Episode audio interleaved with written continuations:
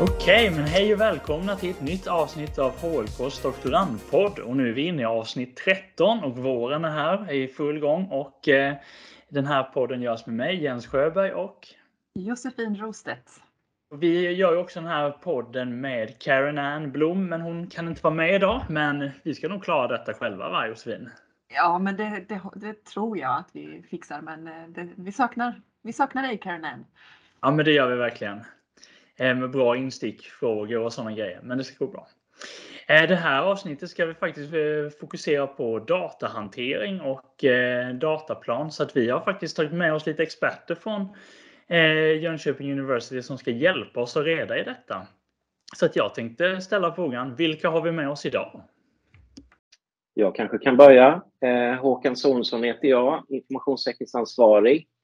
Sitter på IT-service vid Högskoleservice. Eh, Oskar Westergren, eh, dataskyddsombud och arkivarie. Eh, jag sitter på planeringsavdelningen och jobbar med sån här, ska säga, det är lagstyrd verksamhet. Då. Jag och jag heter Daniel Gunnarsson och eh, sitter på högskolebiblioteket och eh, jag jobbar väl en hel del då kring det här med forskningsdata och eh, det som berör datahanteringsplaner. Sist ut är då Anders Olin. Jag jobbar på IT-service på driftgruppen där, eh, systemtekniker. Och jag jobbar mycket med det här att lagra forskningsdata bland annat. Så det får vi höra lite mer om senare hoppas jag. Ja, men det hoppas jag också. Ja, härligt. Ja, men då har vi ett gäng riktiga experter med oss. Här. Det känns skönt. Eh, och det är bra liksom att liksom få en liten uppfräschning kring, kring det här. Men eh, vad säger vi Josefin? Och vad tänker vi kring, kring detta? Vad tänker vi kring detta? Många delar behövs i, inom den här organisationen med att, att skapa en form av säker datahantering. Eh, och då kan man fundera lite grann på på när i ett planeringsstadium, hur ska man, hur ska man tänka? Eh, vad innebär att göra en dataplan plan, så att säga? Eh, jag tänker Daniel, du är ju eh, lite kanske specialist på det här med dataplan. Eh. Jag har faktiskt lite grann funderat på det här så att eh, vi, vi, kanske inte ska gå direkt in på eh, datahanteringsplanen specifikt utan vi kanske kunde titta lite grann på bakgrunden och varför vi befinner oss där vi befinner oss idag. Så man förstår varför det här har kommit, för det är ju ett nytt äh, sätt att hantera forskningsdata för oss idag. Jättebra. Tycker Jättespännande. Jag. Ja, och, och, då skulle vi kunna säga så här att, att det som är eh, paradigmet som verkligen börjar bryta igenom eh, forskningen både nationellt men även internationellt idag, det är ju det som man brukar benämna för öppen vetenskap. Och öppen vetenskap handlar ju eh, mycket om att, att göra forskningsresultat tillgängliga för omgivande samhälle. Samtidigt som en effekt av det här som också är väldigt viktig är att man gör forskningen mer transparent, alltså att man kan se mer vad forskare har gjort. Man ska kunna eh, gå tillbaka, återanvända, bygga vidare. Och det här har uppstått ganska mycket egentligen kan man säga utifrån eh, en större dialog kring ekonomiska aspekter, alltså kostnaden, att just ta fram forskningsdata, få fram det här, göra undersökningar, är någonting som kostar väldigt mycket. Och man har gjort utredningar på det till exempel inom EU då. Det är, ju, det är ju enorma belopp som varje år går åt till att samla in forskningsdata som sen kanske bara blir liggande och inte används eller byggs vidare på. Och det vill man då komma åt lite grann. En annan aspekt är ju demokratiaspekten. För eh, som ni säkert känner till alla så är det ju så att, att forskningen i, i väldigt stor utsträckning är finansierad av statliga medel. Inte all, det finns externfinansiering naturligtvis, men väldigt mycket finansieras av statliga medel. Vilket innebär då att det är ju skattebetalarna, medborgarna, som betalar för att vi ska bedriva forskning och de vill ju ha någonting tillbaka forskningen. De vill ha tillbaka forskningen för att de ska kunna lära sig saker, för att det ska vara kunskapsspridning. Men även om man tittar på organisationer, företag, myndigheter så vill man kunna jobba med innovationsarbete och få, få effekter av det här, alltså en, en slags eh, impact brukar man prata om då av den, den forskningen som genomförs. Så det har också varit väldigt mycket i botten av det här. Och där eh, vidgar sig ju forskningen också i och med det här med öppen vetenskap, att man också vill ha in medborgare och det omgivande samhället starkare i forskningsprocessen. Så att det har ju lett fram till en rad olika politiska beslut som gör att vi faktiskt befinner oss där vi är idag. Pratar vi lite mer datahanteringsplanen och historien bakom det så har det ju funnits ganska länge. Bland de första som använde det här, det var ju till exempel NASA och andra större komplexa projekt redan på 60-talet. Då använde man detta och skrev ner och gjorde helt enkelt bara anteckningar och strukturer för hur man skulle jobba med sin forskningsdata och kunna ha koll på all den data man samlade in. Sen var väl inte detta speciellt utbrett, det kan man inte säga, men i och med 2000-talet och eh, digitaliseringen så har det ju aktualiserats igen i och med att man samlar mer digital data och man kan hantera det på ett helt annat sätt. Så då har det här med att tänka på forsknings... Eh, dataplaner kommit i, i ropet igen. Och speciellt starkt kan man säga att det varit sedan runt ja, 2015 så där när man verkligen började prata om det här med, med öppen vetenskap och det började bli riktlinjer från, från eh, staten och så liknande att, att man ska ha forsknings, eh, forskningsdataplaner då. Och eh, det, det, är ju då som ett led i det här att man började prata mer om öppen vetenskap helt enkelt. Och när vi ändå är inne och pratar om det med öppen vetenskap så är det en av de här eh, stora missuppfattningarna som jag faktiskt skulle vilja redan här nu ta en, en, en liten kort bara om och det är att när, när man använder det här begreppet öppen vetenskap och öppen forskningsdata som är det man riktar sig emot så är det lätt att man kanske uppfattar att all forskningsdata ska vara öppen. Så är nu inte fallet utan vad man pratar om det är att forskningsdata ska vara så öppen som möjlig men så sluten som nödvändigt. Vilket då som vi kommer höra senare här är att det är en hel del lagstiftning och sånt som träder i kraft här för att skydda till exempel respondenter och så. Så att man kan inte göra hur som helst och allt ska inte vara öppet utan det bygger på att man har öppet där det inte är känsliga uppgifter eller personuppgifter och där forskningen är finansierad av statsmedel. Det är där man har sitt fokus. Det tyckte jag var intressant att du gjorde den skillnaden, klargjorde det, missupp, den missuppfattningen Daniel. Det tyckte jag var jätteintressant att mm. ta del Bra. För då kanske jag ska ta lite mer just vad är då en datahanteringsplan som eh, man då är tänkt att använda och som mycket av det här arbetet kretsar kring. Jo, det första jag vill säga om det, det är ju att det är ett levande dokument. Många har nog kanske uppfattningen att aha, nu ska vi göra en datahanteringsplan.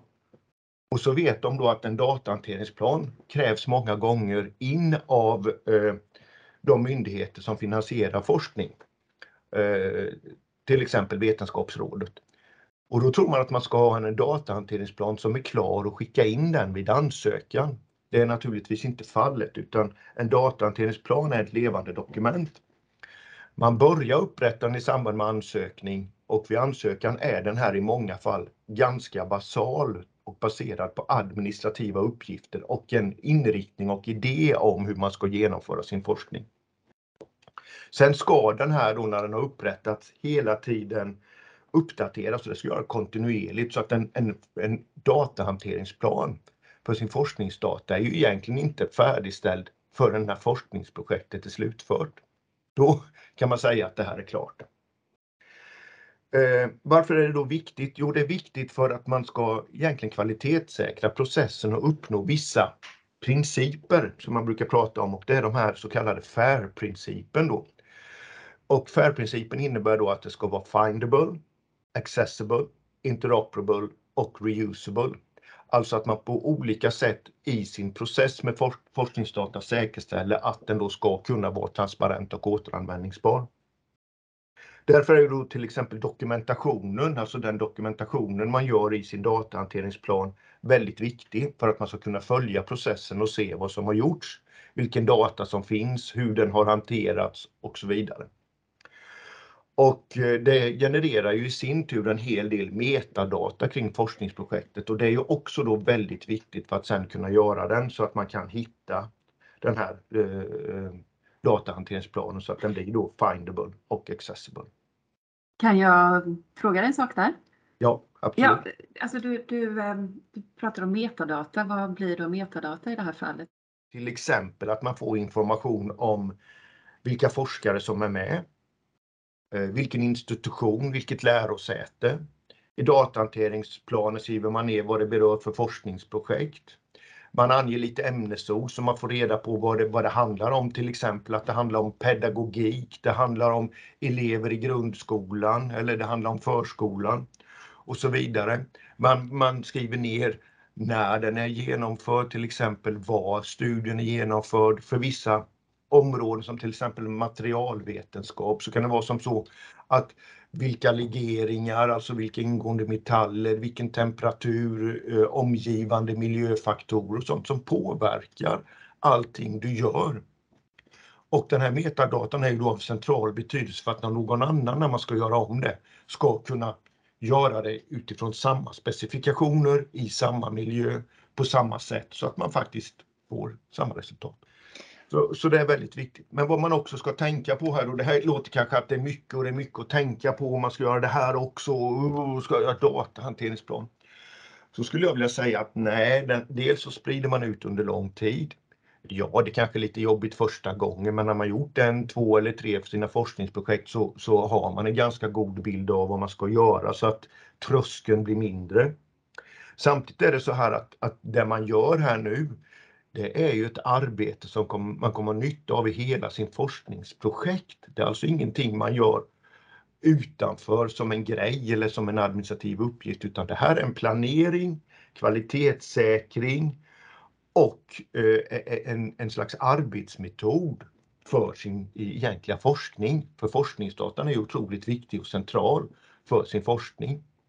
Det har varit ett otroligt starkt fokus på slutprodukten på själva artikeln och det är där man har lagt sitt fokus att skriva och få ut sin artikel.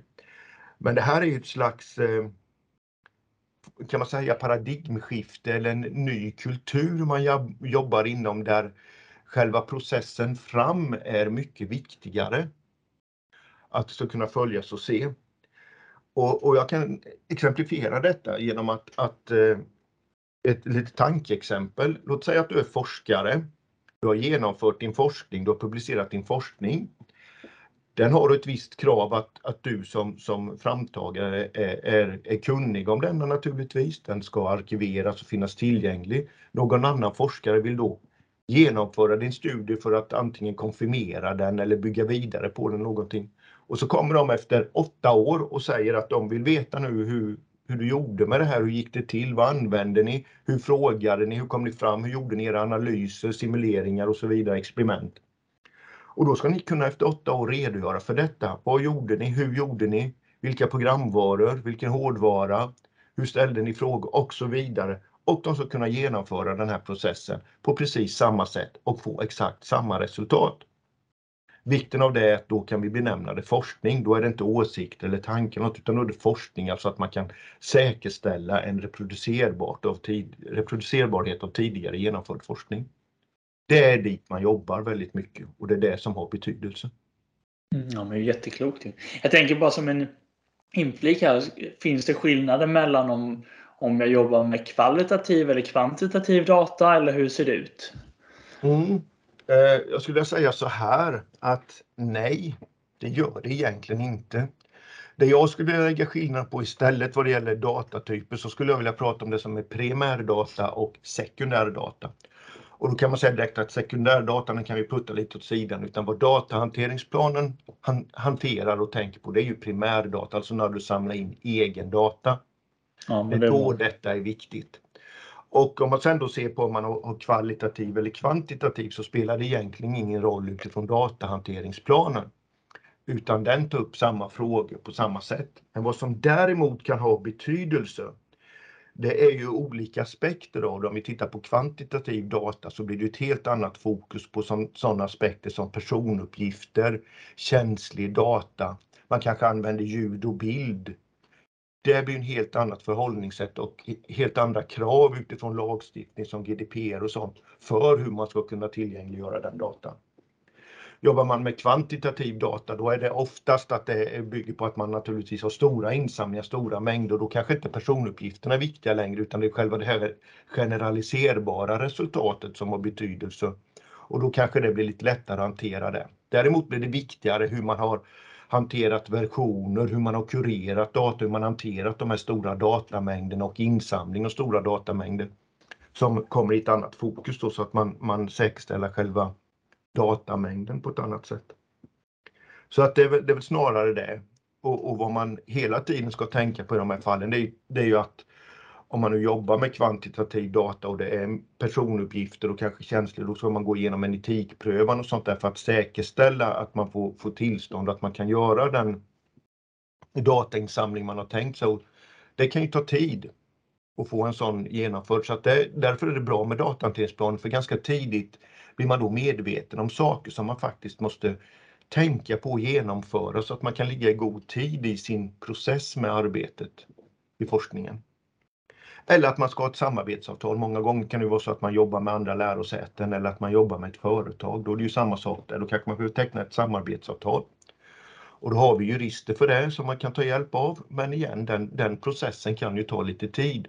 Och då är det ju bra att man har börjat tänka på detta redan vid sin ansökan och upprättande av datahanteringsplanen.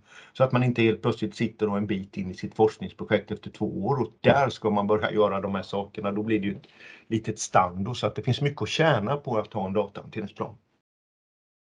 Vad, vad, vad, vad också kanske, om man ska nämna just när vi pratar om det här med data, vad som är viktigt det är ju hur själva datainsamlingen går till, själva processen för datainsamling och eh, det är ju då även datahanteringsplanen ett redskap för att tänka igenom detta så att i ett forskningsprojekt alla är medvetna om vad man vill göra, hur man vill gå, gå tillväga, vilken metod man kommer använda sig av, vilken data man förväntar sig att få in och hur man ska analysera den. Och det, det, är ett par grejer som, som jag tycker är viktigt att tänka på där. Till exempel att man inte samlar in för mycket data, vilket är ganska lätt att man gör. Man tänker nu ska vi göra detta, ja men det, då är det bra att ha den här, då är det bra att ha den, ha den här och så. Det är inte riktigt korrekt att göra på det sättet utan man ska titta på vad är det för data jag behöver och så samlar man in den. För det kommer kunna ha väldigt stor eh, genomslagskraft på hur man ska kunna sprida och få, få genomslag på sin, sin, sin forskning i ett senare skede där man kanske då kan undvika en hel del av känsliga data eller persondata. Man tänker igenom vad man vill göra. Man kanske kan redan bestämma sig för hur man gör olika former av kureringar och sammanslagning i större grupper och sånt där för att det inte ska bli spårbart bakåt sen då. Så att det, det är en hel del att tänka igenom och en hel del som berör metoder men i och med att man gör detta så kvalitetssäkrar man också forskningsprocessen vilket jag tycker är väldigt angeläget och viktigt. Ja, men jättespännande verkligen. Jag tänker du berörde eh, flera viktiga eh, punkter som jag tänker vi kommer, eh, kanske kommer tillbaka till under poddens gång. Men jag tänker en faktor är ju då hur ska jag spara och hantera min data? Då tänker jag kanske på dig Anders. Vad bör jag tänka på då? Det är ju bra att spara sin data på ett bra sätt. En del forskare är väl sin forskning är väl som att ha ett litet barn på något sätt man vårdar. Och ett litet barn vill man inte gärna slarva bort. Så det är viktigt att spara sin data på ett säkert sätt där det backas upp ordentligt och sådär. Vi ser ju lite skräckexempel ibland där man har all sin forskning från många år på ett USB-minne eller sådär. Eller man har det på en laptop och så råkar man tappa den när man är ute och reser. Det blir inte så bra. Eh, det finns ju lite olika varianter där man kan spara. Dels är det ju på sin hemkatalog. Som en del gör om man sitter själv i ett projekt. Är man fler kan man ju ha en delad mapp. Någon av våra servrar. Då är det ju säker lagring i våra JUs datahallar med backup och annat. Så det är safe. Eh, för några år sedan så var det mer och mer projekt där man, hela, man hade externa intressenter i projektet. Man kanske forskade med någon på andra sidan jorden eller på ett annat lärosäte i Sverige eller sådär. Och då har vi tagit fram en lösning som heter Share, JU Share Files. Som är en eh, molntjänst fast med lite lokal lagring så kan vi säga. Så den är säker, finns i våra datorhallar. Väldigt lätt att bjuda in forskare från eh, externa ställen då och lätt för IU att samarbeta. Så det är väl den vi rekommenderar idag. Jag tyckte det var lite kul du sa där, datahallar, vad är det för någonting? datorhallar, det är sådana här Ja. saker som finns i källarna. Där det står massor med datorer, eller servrar kallar vi det. Här. Och massa hårddiskar där vi sparar massa spännande data. Om polisen och vad det var, pedagogik eller vad du sa att du på. Ja, nej, det finns väldigt mycket. Mycket gammalt skräp. Om man tittar på den datan som sparas så är det rätt mycket gammalt. Man är väldigt dålig på att spara, slänga bort sådär. Det där dokumentet man kanske inte behöver längre. Eller semesterbilderna som inte kanske borde ligga på arbetets servrar.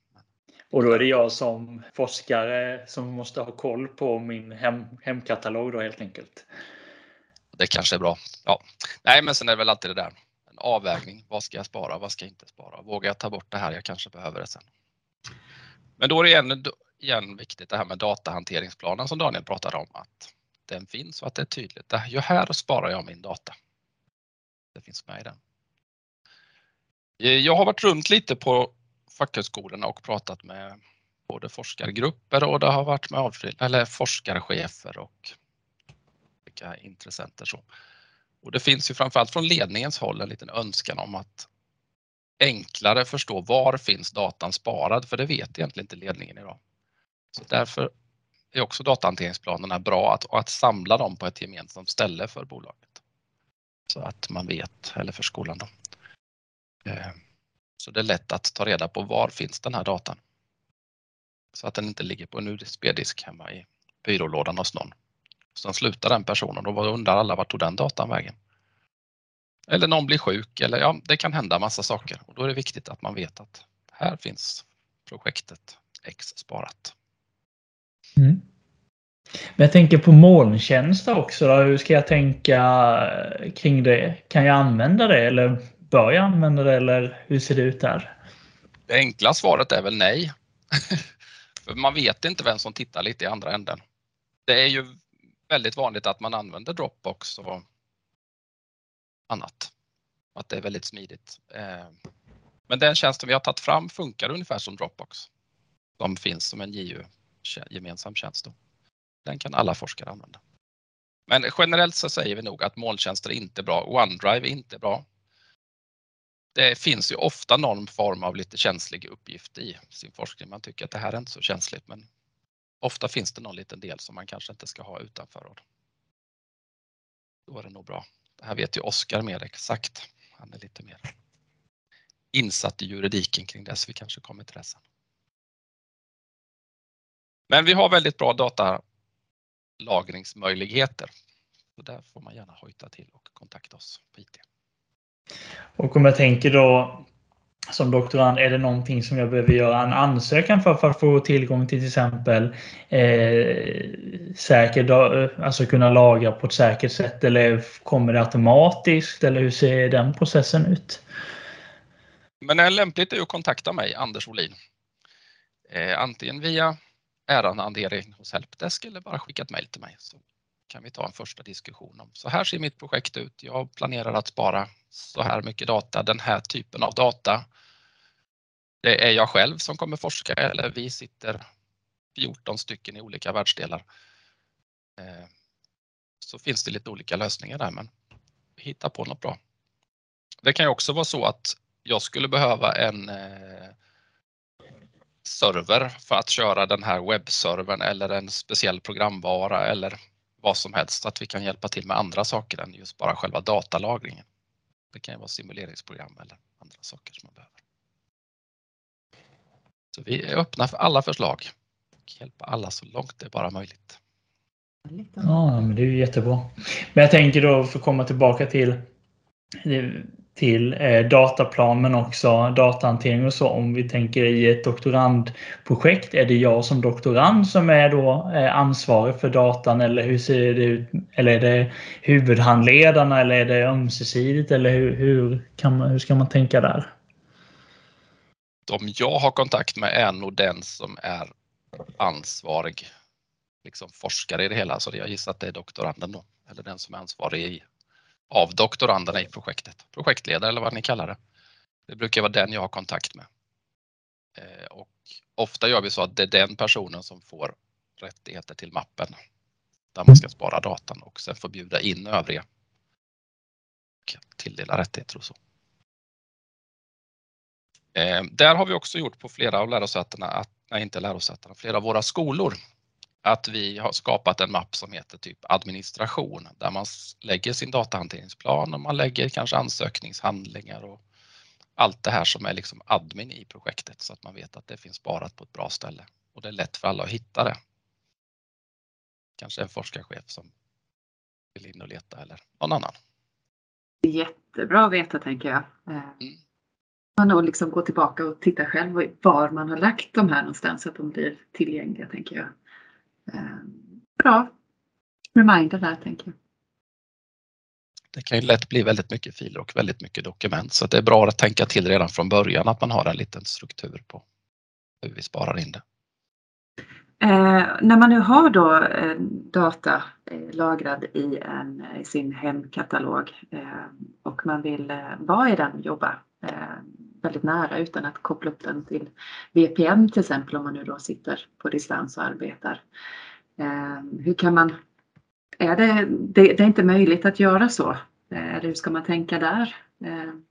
Nej, just din hemkatalog och gemensamma delade filytor på högskolan går inte att eh, komma åt utan VPN. Det är därför vi har tagit igång den här andra nya tjänsten då, där man kan koppla upp sig varifrån som helst enkelt utan VPN. Och då menar du GU Share Files? Exakt. Ja, ja det är bra. Ja, men det är definitivt någonting som, eh, som vi får kolla in mer helt enkelt. Men jag tänker på, du bollade väl en, en liten fråga till Oskar där med eh, när vi började beröra eh, känslig och icke-känslig data där och eh, man ska se, se, på det. Så det är kanske en fråga till dig då Oskar, hur jag bör tänka kring det.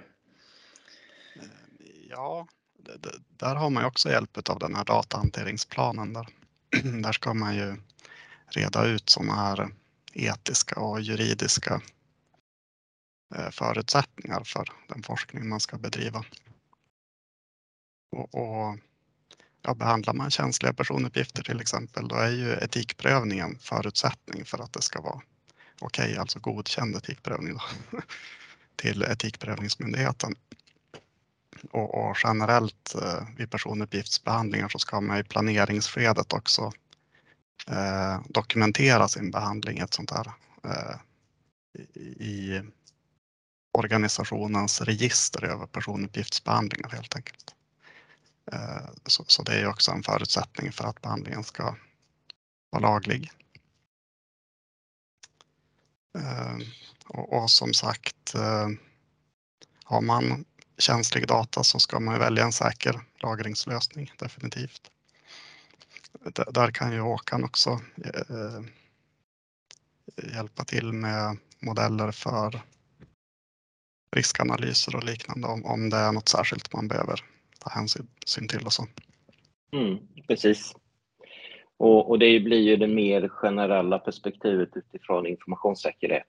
Ehm, och man kan ju säga att informationssäkerhet består ju av tre grundpelare som kan ändå vara bra för forskare att liksom ha i sin, sin mindset. Och, och den första är ju eh, konfidentialitet, att man egentligen skyddar informationen mot obehöriga.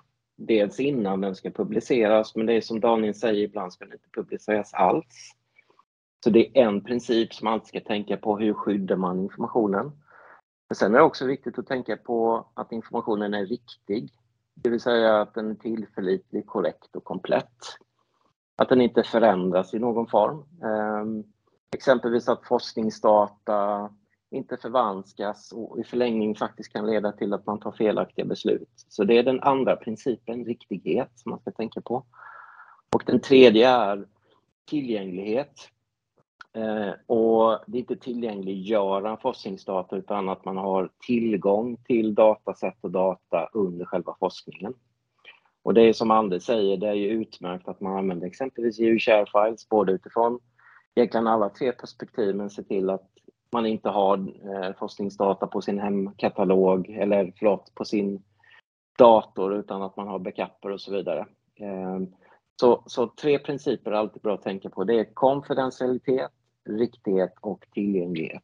Det är grundpelarna i informationssäkerhet. Och, och, det är det som Oskar säger, det är det vi kan stötta i, att, att göra en analys och tänk, att tänka utifrån de här perspektiven och, och identifiera möjligen risker då som finns utifrån de här tre perspektiven. Och, och det gör man oftast med någonting man kallar för informationsklassning. Och då klassar man de här tre perspektiven utifrån olika nivåer. Exempelvis om, om konfidentialiteten skulle vara jättehög, alltså jättekänslig data, och då kanske man ska vidta speciella åtgärder för just konfidentialiteten.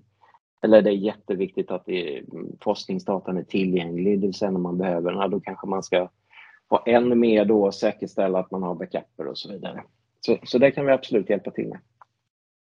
Och ska man säga andra sådana här juridiska aspekter man bör ta med sig är ju eh, ja, men, eh, till exempel ansvar för olika saker.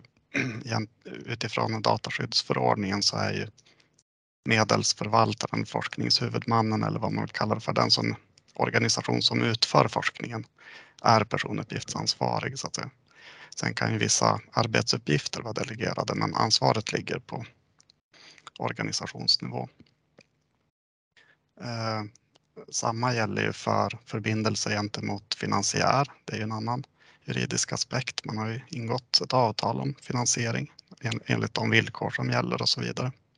De säger ju bland annat väldigt ofta då svenska finansiärer att eh, om de är eh, Vetenskapsrådet, Forte, Formas och så säger ju då att eh, man ska upprätta en datahanteringsplan och så vidare. Eh, de säger inte specifikt att man ska följa annan lagstiftning, men det är ju, det är ju antaget och underförstått så att säga. Så ytterligare, ytterligare lagstiftning är arkivlagstiftning. Den utgår ifrån offentlighetsprincipen i tryckfrihetsförordningen kan man säga. Så att det, det är ju en tillämpning så att bland annat det ska uppfyllas. Men har ju också syften, förutom att eh, allmänheten ska ha rätt att ta del av allmänna handlingar, så är det också att eh, information ska finnas för rättskipning, förvaltning och forskningens behov. Och, och sen är ju arkiven också en del av det nationella kulturarvet. Då. Så att det finns ju särskilda föreskrifter från Riksarkivet om hur forskningsdata, forskningshandlingar generellt i ett projekt ska hanteras. Då. Och, och de i sin tur har vi lokala tillämpningsbeslut på då som, vad som ska diarieföras, arkiveras eh, och så vidare. Och, och, en inte helt oviktig juridisk aspekt är också det här med upphovsrätt och rättigheter och sånt där. Och där är det ju återigen eh, för forskningsdata då specifikt så är ju eh, den forskande organisationen har ju och genom katalogskydd och sådär.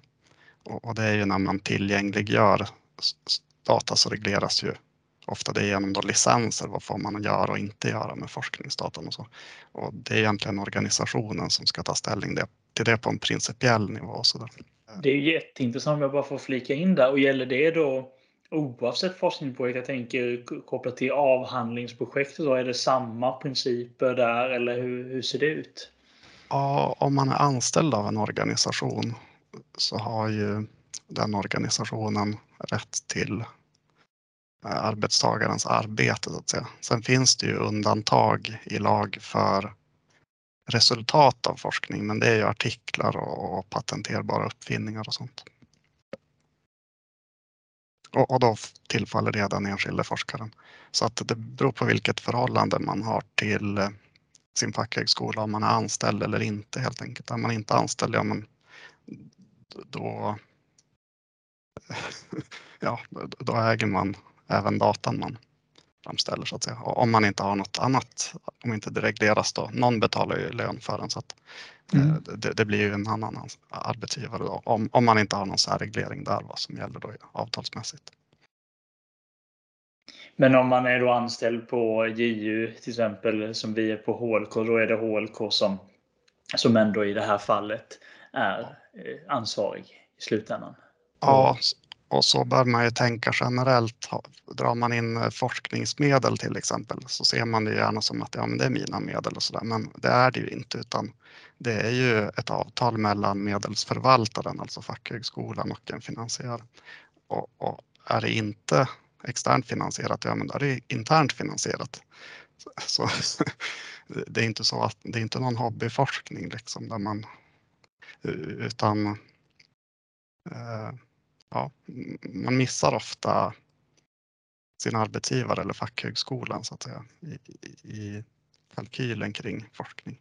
Och, och, det ansvar som organisationen också har för personuppgiftsbehandling, arkivering, eh, dataskydd, eh, att bevaka sina upphovsrättsfrågor och så vidare. Mm. Eh, så, så det här med att till exempel forskningsdata försvinner eller forskningshandlingar när någon byter arbetsgivare, det är ju i princip brottsligt. Eller det är brottsligt rent av, utifrån flera lagstiftningar. Så jag tänker när det kommer då till arkivering av sin data. Du har varit inne lite grann på det, vi har varit inne på det tidigare under poddens eh, samtal samtal. Men eh, är det någonting jag ska tänka på om du ska ge några så snabba tips, hur ska jag tänka på under tiden och efter eh, forskningsprojektets gång? Ja, då skulle jag vilja återkoppla till det Daniel säger att uppfyller du principerna för FAIR eh, och du har din data dokumenterad och välstrukturerad i princip på en nivå så att någon med motsvarande eh, forskarkompetens men inte specialkunskap om just projektet skulle kunna gå in och ta över, då, då har du ju eh, A plus. Sen tar ju vi emot det vi får så att säga i det skick det kommer in till arkivet. Vi kan ju be om kompletterande administrativ metadata som vem är projekt, vilken fackhögskola är det, vad heter forskningsprojektet, eh, ja, eh, finns det känsliga personuppgifter och annat som kan vara bra att veta när, när man i framtiden kanske ska göra en sekretessbedömning om det begärs ut. Eh, det kan ju vara så att det behövs en etikprövning godkänd för att komma åt känsliga, eller ja, det måste man helt enkelt ha för att komma åt känsliga arkiverade personuppgifter eh, för, för forskningsändamål. Ja, men jättebra. Och så tänker jag då en fråga till dig Anders här. Är det så då om jag jobbar i JU Fileshare, finns det då en funktion där jag kan trycka på skicka till arkivering eller hur, hur ser det ut? Det hade vi önskat att det var så lätt, men så riktigt är det inte riktigt än. Det krävs okay. manuell handpåläggning där. Mm. Vi, alltså från IT vet ju egentligen aldrig när projekten slutar och det kanske de inte gör på ett sätt ändå för att man fortsätter att forska på det fast i ett annat projekt och sådär. Så det är lite svårt att dra gränsen kan jag tycka men när man känner att när, nu börjar mitt projekt bli klart då rekommenderar jag att man kontaktar Oskar och diskuterar hur ska vi arkivera mitt projekt på ett bra sätt. Mm. Och, och eh, det, det, finns ju en tanke med den här JU Sharefiles att göra den mer organisatorisk så att, säga, att, att det är en lagringsyta för all forskning till exempel och att eh, används den då konsekvent, alltså genom bestämmelser på en fackhögskola så har man ju alla forskningsprojekt på samma yta så att säga. Sen, sen kan man ju avgränsa behörigheter i, till mappar och så vidare men det skulle vara ett enkelt sätt att säkerställa arkivering. Att då när ett projekt är avslutat skulle man ju bara kunna ja, flagga det eller flytta över det till en arkiveringsmapp eller liknande. Att det är kopplat till en avställningsyta helt enkelt. För det, det finns ju lite brist på organisatorisk styrning här. Väldigt mycket ansvar är ju utpassat till forskare, så kan man säga. Det är inte ett tekniskt problem kan vi väl summera det med. Nej. och det är lätt löst med lite styrning uppifrån. Ja. ja. Ja, men det är jättebra att veta i alla fall. Och då kanske det är någonting som, vem vet, det kanske kommer framöver. Det finns ju sådana arkivknappar i, de, i jag tänker på Outlook-mailen och sånt. Så att det kanske kommer framöver, vem vet. Ja, där, tänker... vill jag, där vill jag inflika, sådana arkivknappar är ju inte arkivering utan arkivering är ju när det levereras till arkivfunktionen och förtecknas och, och antingen arkiveras eller sätts in i arkivlokal. Så att all annan typ av teknisk arkivering, eh, det, det är något annat som man håller på med på sina egna devices eller i sina egna inställningar. Så att säga. Ja, det var mer en liknelse där, men det är jättebra, ja. jättebra inflik Oskar. Eh, om jag bara får fråga där, hur, hur, skulle en sådan eh, förändring kunna se ut då? Om, om, eh, så att hela systemet blir införlivat i det här med att hantera data på ett säkert sätt. Du, du antydde lite grann där Oskar om att, att det finns lite att från, man, man från ledningshåll också skulle gå in och, och styra lite mer på ett enkelt sätt. Hur skulle du kunna tänka dig en, om du ville tänka en framtid? Hur skulle ja. den se ut? Ja, jag tänker mig kanske till att börja med något som Daniel brinner för, alltså en policy för forskningsdata. Den skulle ju reglera väldigt mycket. Om vi tar det smala då, arkiv, så kanske den säger att, eh, att det ska styras eller något sånt där så att eh, vi uppnår den grad av arkivering som vi vill ha. Sen i sin tur skulle väl det leda till att man tog fram något styrdokument som sa vilken lagringsyta som ska användas och så vidare och då skulle ju Håkan och Anders säkerställa att den var hundraprocentigt säker för ändamålet och anpassad och ha alla tekniska funktioner den behöver. Och, sen skulle man helt enkelt då ja, använda den och det skulle fungera och leveranserna skulle bli jättebra till arkiv och så vidare. Om vi tar den väldigt smala biten sen eh, skulle det ju upprättas, upprättas mer styrdokument kanske om annat också utifrån en sån policy.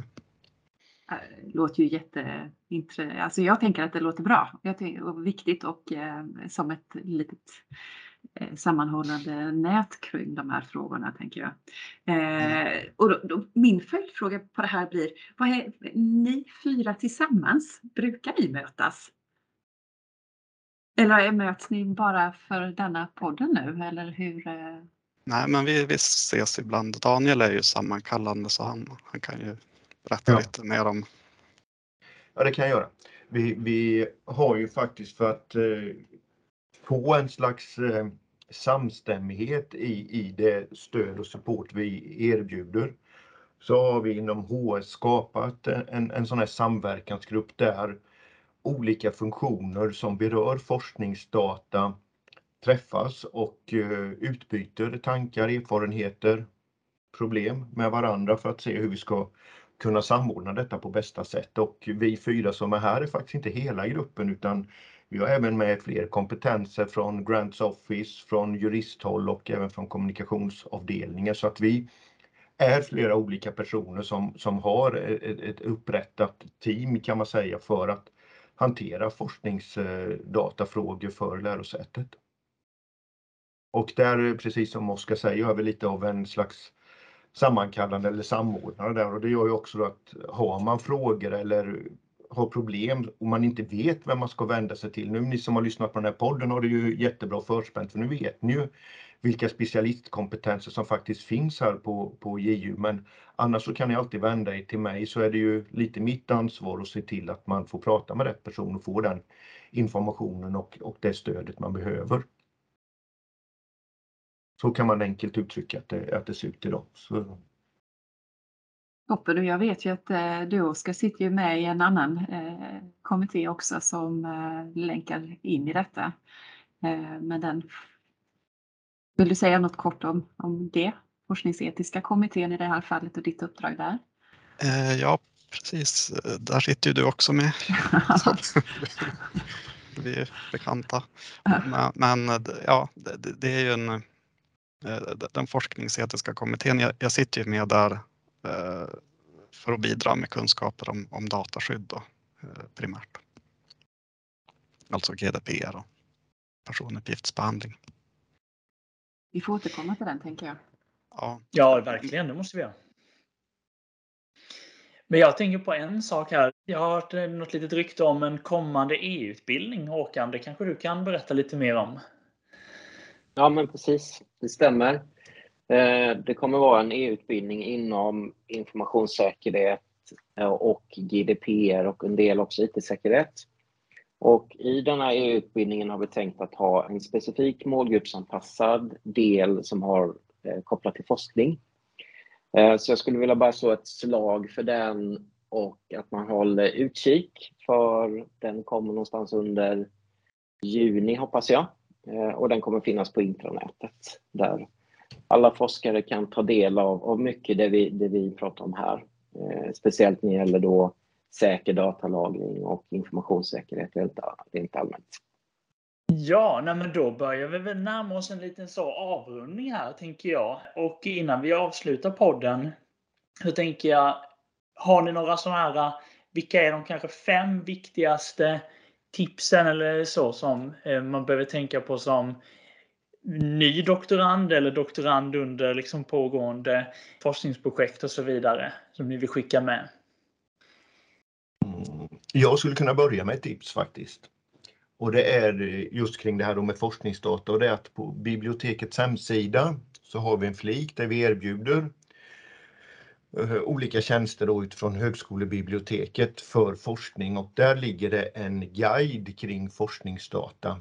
Och eh, den kan man gärna ta del av för att den går igenom ganska kort processer men visar på vad man bör tänka på och eh, eh, det ger också en slags ingång till vad är det för typ av, av, av tjänster eller support jag kan få inom det här området. Så den kan ju vara jättebra att börja med att titta på. Och den länkar också vidare till lite andra organisationer, lite utbildningsmaterial och sådana saker. Så det är en bra startpunkt. Eh, jag skulle tipsa om ehm, att ta reda på vilka, eh, vilka juridiska förutsättningar som gäller för forskning. Alltså vad är lagstyrt och, och hur man förhåller sig till det och, och sen eh, ja, kontakta dem som man behöver hjälp med för att uppfylla det. Och, och, ja, eh, behandlar man personuppgifter, arkiv, eh, olika upphovsrätt, behöver några avtal upprättas om man är externfinansierad eller samverkar och så vidare. Eh, alltså vad innebär det att man är anställd på en myndighet och så vidare och, och, och jobbar för den. Och, och ja, där har man ju också stöd i datahanteringsplanen skulle jag säga. Jag tänkte att man kontaktar IT-service ganska tidigt i sitt projekt för att ta reda på var ska vi spara min data på ett bra sätt. Så att tänka igenom eh, mappstrukturer och så så att det blir enkelt att arbeta och överskådligt för det i projektet och någon som ska eventuellt titta på datan senare så att det är smidigt att hitta. Har Håkan något tips du vill skicka med? Jag kan, jag kan väl möjligen säga också att man ska tänka på pappersinformation när det gäller forskning. Eh, det kan ju vara så att ni, ni har data som, som ligger på era skrivbord som skulle kunna vara känsliga. Att man, att man tänker på att, att det är också skyddsvärt. Man låser in det om man kan i låsta utrymmen eller man har dokumentskåp och så vidare. Eh, så man tänker utifrån helhetsperspektivet när det gäller informationssäkerhet. Mm, ja men jättebra. Ja, men det är också bra tips att tänka inte bara i de digitala banorna utan tänka i, i helheten helt enkelt. Ja, det, det skulle jag kunna ge ett tips med vad det gäller att tänka på helheten. Att när man är ny eller man börjar med någonting då vet man ju inte hur det fungerar, hur man ska göra kanske. Använd er naturligtvis av era kollegor och de som är erfarna och gjort det här innan och ber om hjälp. Och har ni några frågor, sitt inte och, och håll på dem eller bli frustrerad utan vänd er till mig eller till någon av oss direkt så försöker vi lösa det så att ni kommer vidare. Det är ju enkelt.